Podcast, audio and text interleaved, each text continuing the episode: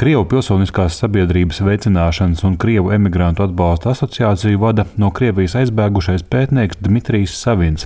Viņa veiktajam izvērtējumam slēgtā sēdē pievērsās arī Saimas ārlietu komisija.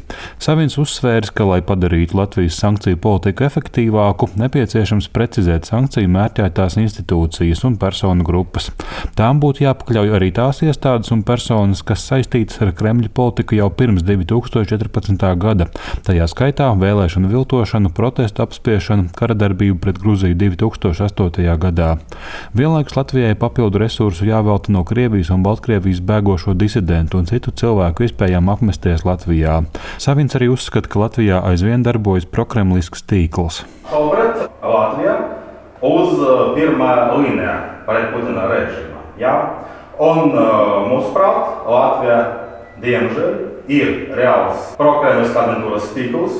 Vajadzēs uh, sistemātiski uh, strādāt ne tikai uh, par atbalstu disidentam, bet pret šīs tik, šim tikliem.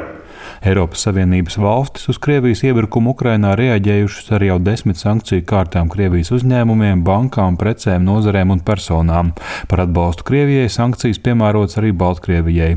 Nenoliedzot, ka sankcijas nevienmēr sasniedz mērķi, ārlietu ministrijas parlamentārā sekretāra Gunda Reira pēc komisijas sēdes atzīmēja, ka ar sankcijām vien Krievijas imperiāliskās tieksmes neuzveikt.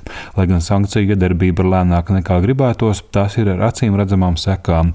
Galvenais izaicinājums ir veicināt Eiropas valstu kopīgu pieeju, gatavojot jau 11. sankciju kārtu. Būtiskāks izaicinājums ir, protams, visā Eiropas Savienības līmenī vienveidīga sankciju ieviešana. Plus, protams, ja mēs runājam par sankciju apiešanas riskiem, ko mēs esam identificējuši kā iespējamu risku, ir tātad tirniecības apjomu strauji pieaugums ar Centrālā Azijas, aizkaukāza valstīm.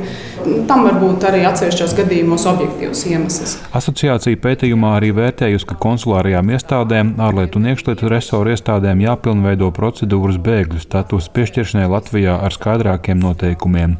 Ārlietu ministrijas pārstāv gan uzsver, ka šie noteikumi un kārtība ir pavisam skaidri. Kopš 2022. gada februāra humānā vīza izsniegta 481 Krievijas pilsonim, bet kopš 2020. gada augusta 358 Baltkrievijas pilsoņiem, kuri bijuši režīma pretinieki un pakļauti spaidu draudiem. Humāna apsvērumi tātad ir piemērojami vēlreiz izņēmuma gadījumos, tostarp apdraudējums personas drošībai, dzīvībai, fiziskas sāpes, vajāšana.